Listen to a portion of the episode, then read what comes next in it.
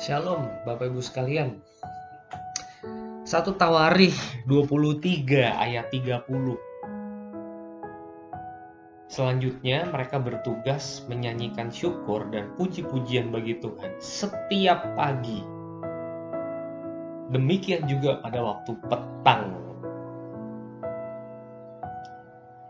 Saudara, bagian ini menceritakan kepada kita tugas orang Lewi ada yang harus menyediakan sajian dan tepung untuk membuat roti tak beragi guna korban sajian.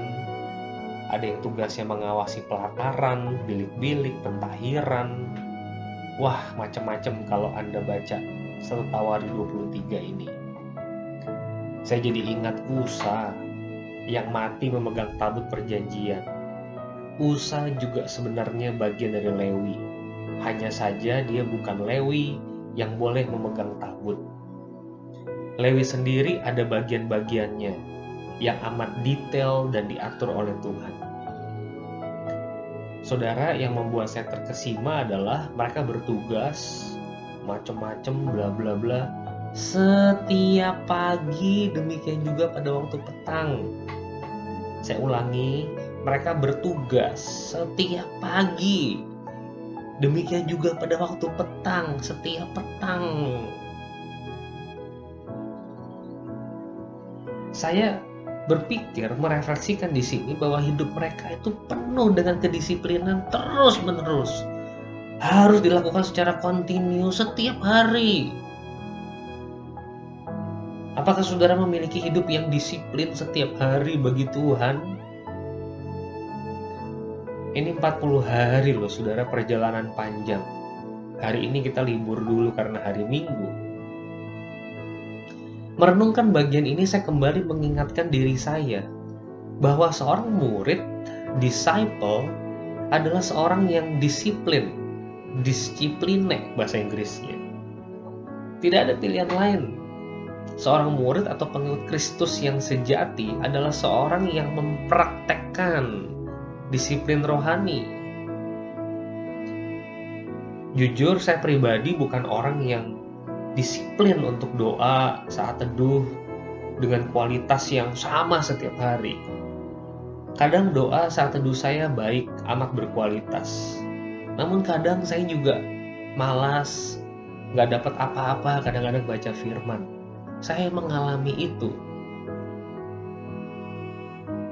saya jadi berpikir bahwa pergumulan orang percaya adalah pergumulan antara menjadi Farisi atau menjadi Kristen sejati. Titik tegang ini harus dipelihara. Karena kita bukan orang yang 100% bisa hidup kudus bagi Tuhan, bukan? Perlu ada masa-masa di mana hati kita hancur melihat kebobrokan saat teduh kita perlu juga ada masa-masa di mana kita bisa merasakan betapa nikmatnya membaca Alkitab dan menemukan Tuhan di dalam refleksi saat teduh. Anda harus belajar untuk menikmati saat teduh. Bukan hanya baca Alkitab selesai, titik. Namun menuliskan, memikirkannya. Tanpa menulis, Anda tidak akan dipaksa untuk berpikir, mengelaborasi firman Tuhan yang dibaca pada hari itu. Dengan ini saya juga ingin mengajak Bapak Ibu Saudara untuk berdoa dan berpuasa. Kalau bisa penuh 40 hari, mulai Rabu Abu 17 Februari sampai Sabtu Sunyi 3 April. Tidak termasuk hari Minggu. Hari Minggu hari Paskah. Dari jam 9 sampai jam 6 sore kita berpuasa saya juga dapat beberapa masukan kalau jam 6 pagi terlalu sulit mungkin buat sebagian kita. That's why saya ubah jadi jam 9 sampai jam 6 sore. Saya juga kembali mengingatkan saudara selama masa prapaskah saya ajak saudara untuk doa malam setengah 9 sampai jam 9. Setiap minggu kurang lebih 30 menit saja kita harus mendisiplin diri 40 hari ini seperti 40 tahun Israel keluar dari perbudakan Mesir. Didisiplin oleh Tuhan untuk menjadi murid yang matang dan dewasa. Saudara, saya sejujurnya masih terkesima sama khotbah pendeta Hasan di Imlek 14 Feb kemarin. Menjadi orang yang merdeka dan dewasa bukan hal yang mudah. Justru dalam kebebasan dan kemerdekaan, kita sulit mendisiplin diri kita. Ketika kita masih anak-anak, kita perlu didisiplin orang tua.